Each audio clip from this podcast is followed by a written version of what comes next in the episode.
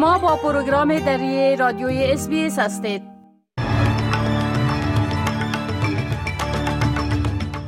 با عرض سلام صاحب شکیب شما را به شنیدن مهمترین اخبار امروز 21 ماه نوامبر سال 2023 دعوت می کنم. جدیدترین واکسین کووید 19 از ماه آینده در دسترس استرالیایی ها قرار خواهد گرفت. معترضان سرک انتقال اموال تجارتی بین پاکستان و افغانستان در ناحیه چمن سپین بولدک را در اعتراض بر سیاست های سختگیرانه پاکستان مسدود کردند. امریکا فراهمی کمک های نظامی بیشتر به یوکراین را اعلام کرده است.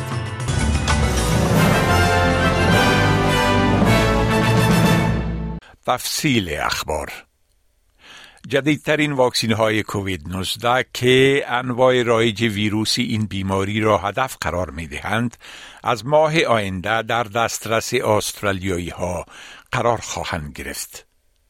مارک بطلر وزیر صحت فدرالی می‌گوید که حکومت این واکسین ها را که انواع اومیکرون را هدف قرار می دهند پس از توصیه گروه مشورتی فنی استرالیا در مورد وقایه یا اتاگی تایید کرده است.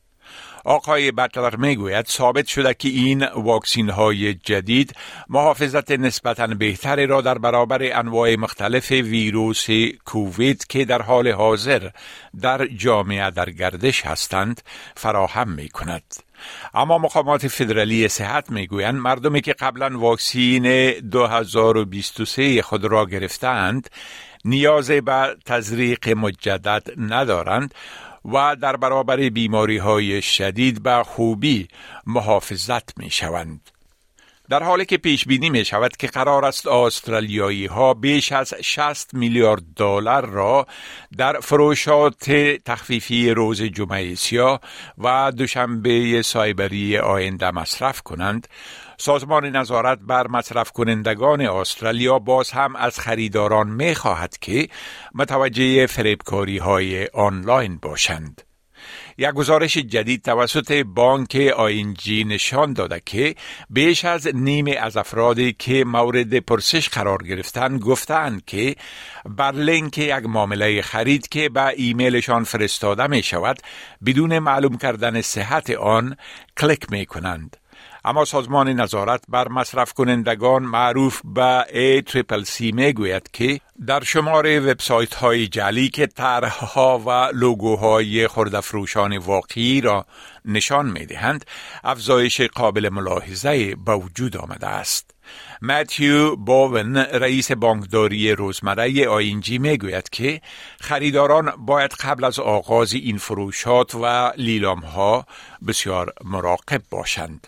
Be precautious. You know, make sure that you're checking the legitimacy of websites that you're purchasing from. If a deal seems too good to be true, absolutely ring that retail or check their website to validate uh, the deal uh, is legitimate. And of course, if at any point in time you feel like there has been some uh, scam activity taken place or you've fallen victim to a scam, uh, get in touch with the retailer, with your bank, and make sure that you're reporting those things as quickly as possible.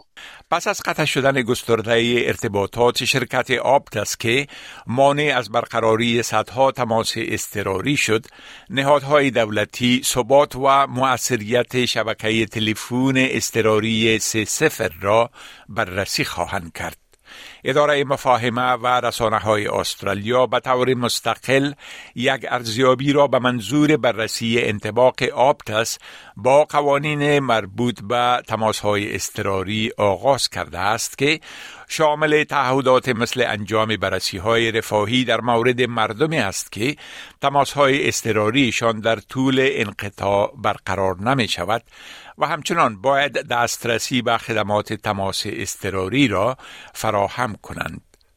صدر اعظم انتونی البنیزی به سکای نیوز گفته است که حکومت نیز یک بررسی را در مورد این قطع شدن خدمات آبتس انجام خواهد داد که ممکن چارچوب تلفن استراری کشور را نیز تجزیه و تحلیل کند. We'll be transparent about sending that message through to the, the private sector as well as to uh, the public sector. Uh, we'll be doing uh, further work on the range of issues, including cybersecurity, uh, this week, of course, as well. Uh, we've been working with the private sector uh, for some time, but clearly this was just a complete fail. نهاد امدادی انگلیکر می‌گوید که کارکنان ضروری به خاطر بلند بودن قیمت خانه ها در جوامعی که باید در آنها کار کنند به سر بردن نمی توانند. کیسی چمبرز مدیر اجرایوی انگلیکیر استرالیا می‌گوید جدیدترین بررسی این نهاد نشان می دهد که کارکنان مراقبت از سالمندان مربیان دوران طفولیت، پاککاران، پرستاران و بسیاری از کارگران ضروری دیگر تقریبا در هیچ بخش از استرالیا توان مالی تأمین یک سرپناه را ندارند.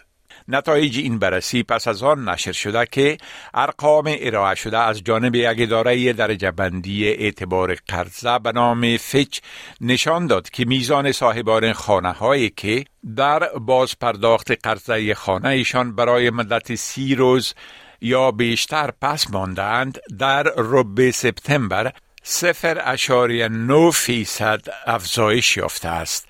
قبل از این کریس ریچردسون اقتصادان برجسته در برنامه Q&A ABC بازار مسکن استرالیا را ماشین بدبختی چندین دههی خواند. پیتر داتن رهبر جناح مخالف می‌گوید که حکومت باید در وضعیت افزایش مخارج زندگی کمک های بیشتر برای مردم فراهم کند. Inflation is fueled by this government's reckless spending and by the fact that they've had two budgets to make it easier for Australians. Instead, they've made it harder for Australians. Uh, the Prime Minister has been missing in action in relation to the cost of living crisis, where he's made decisions in two budgets, they've been bad decisions and they've driven up interest rates. گزارش شده که مظاهرچیان دیروز در ایالت بلوچستان پاکستان سرک کاروانهای تجارتی بندری سرحد چمن سپین بولدک بین افغانستان و پاکستان را مسدود کردند. این مظاهرچیان به نام لاغاریان گفتند که در عکس العمل به مقررات سختگیرانه حکومت پاکستان در مورد رفت و آمد قبایل در دو جانب دست به این اقدام اعتراضی زدند. حکومت پاکستان در این اواخر تصمیم گرفته که پس از این به هیچ طبعه افغان اجازه ندهد که بدون پاسپورت و ویزا داخل آن کشور شود. قبل از این همیشه قبایل دو طرف سرحد افغانستان پاکستان می توانستند با تذکره افغانستان و کارت هویت پاکستانی از این راه بدون مشکل آزادانه رفت و آمد کنند. معترضان لاغری تعهد کردند که این اعتراضشان را ادامه داده و در کویتا هم تظاهرات را راه اندازی کنند. گفتم می شود که اعضای بعضی از احزاب سیاسی پاکستان به شمول تحریک تحفظ پشتون هم در این تظاهرات شرکت کردند. وزیر دفاع ایالات متحده امریکا در سفر غیر منتظره به کیف فراهمی کمک های نظامی بیشتر به اوکراین را اعلان کرده است. لاید آستن به مقامات اوکراینی گفته است که پنتاگون تسهیلات اضافی از انبارهای موجود ایالات متحده امریکا به ارزش 100 میلیون دلار به شمول توپخانه مهمات برای سیستم های دفاع هوایی و یک سیستم راکت انداز با قابلیت بیشتر انتقال را به اوکراین ارسال خواهد کرد. آقای آستن می‌گوید که حتی در شرایطی که منابع ایالات متحده و منابع بین المللی به دلیل خطرات جهانی جدید ناشی از درگیری اسرائیل و حماس تقلیل یافته فراهمی پول و تسلیحات به یوکراین ادامه خواهد یافت.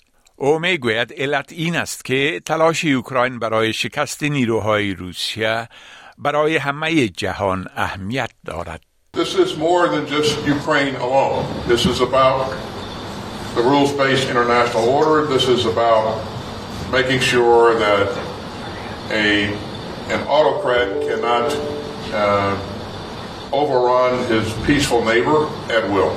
برای کسانی که علاقمندند در قطب جنوب زندگی و کار کنند ممکن است اکنون فرصت برای تحقق این رویاهایشان پیدا شده باشد. مقامات برنامه خود به جنوب یا انتارکتیک استرالیا می‌گویند که روند استخدام تقریبا 200 نفر در سال 2024 برای کمک در اداره سه مرکز تحقیقات علمی استرالیا در قطب جنوب و همچنان یکی از آنها در جزیره مکواری در نزدیک قطب جنوب آغاز شده است. شان جلیز ماهر لولکشی می‌گوید که از درخواست برای کار در آنجا پشیمان نیست و می‌گوید که این برایش یک تجربه تغییر دهنده زندگی بوده است. Like a runner dreams of going to the Olympics, um, the best thing or the biggest thing I could ever do as a plumber was be a plumber in Antarctica. Um, I think until they put plumbing on the moon, this is probably the furthest it will take me. So, and the coldest.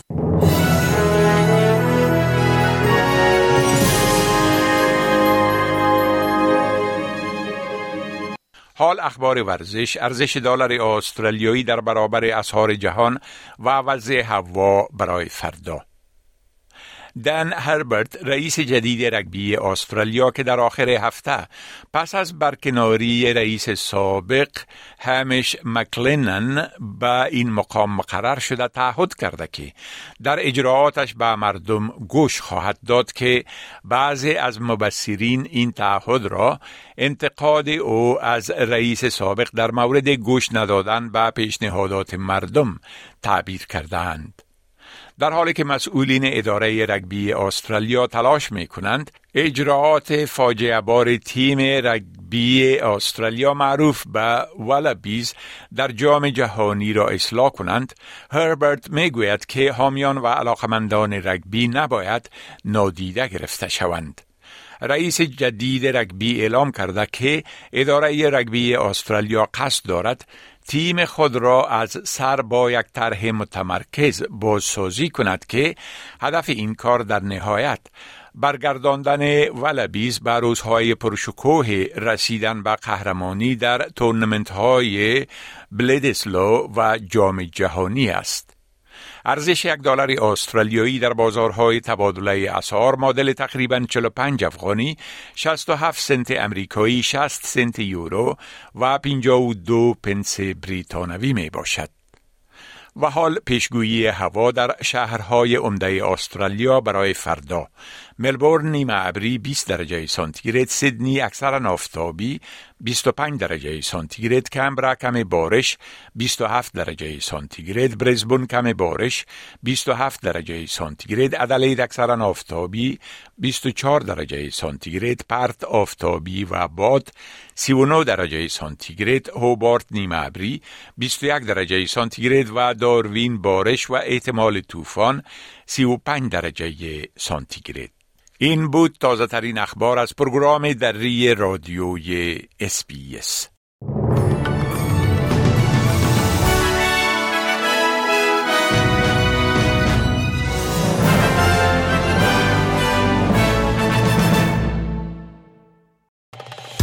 بپسندید شریک سازید و نظر دهید اسپیس دری را در فیسبوک تعقیب کنید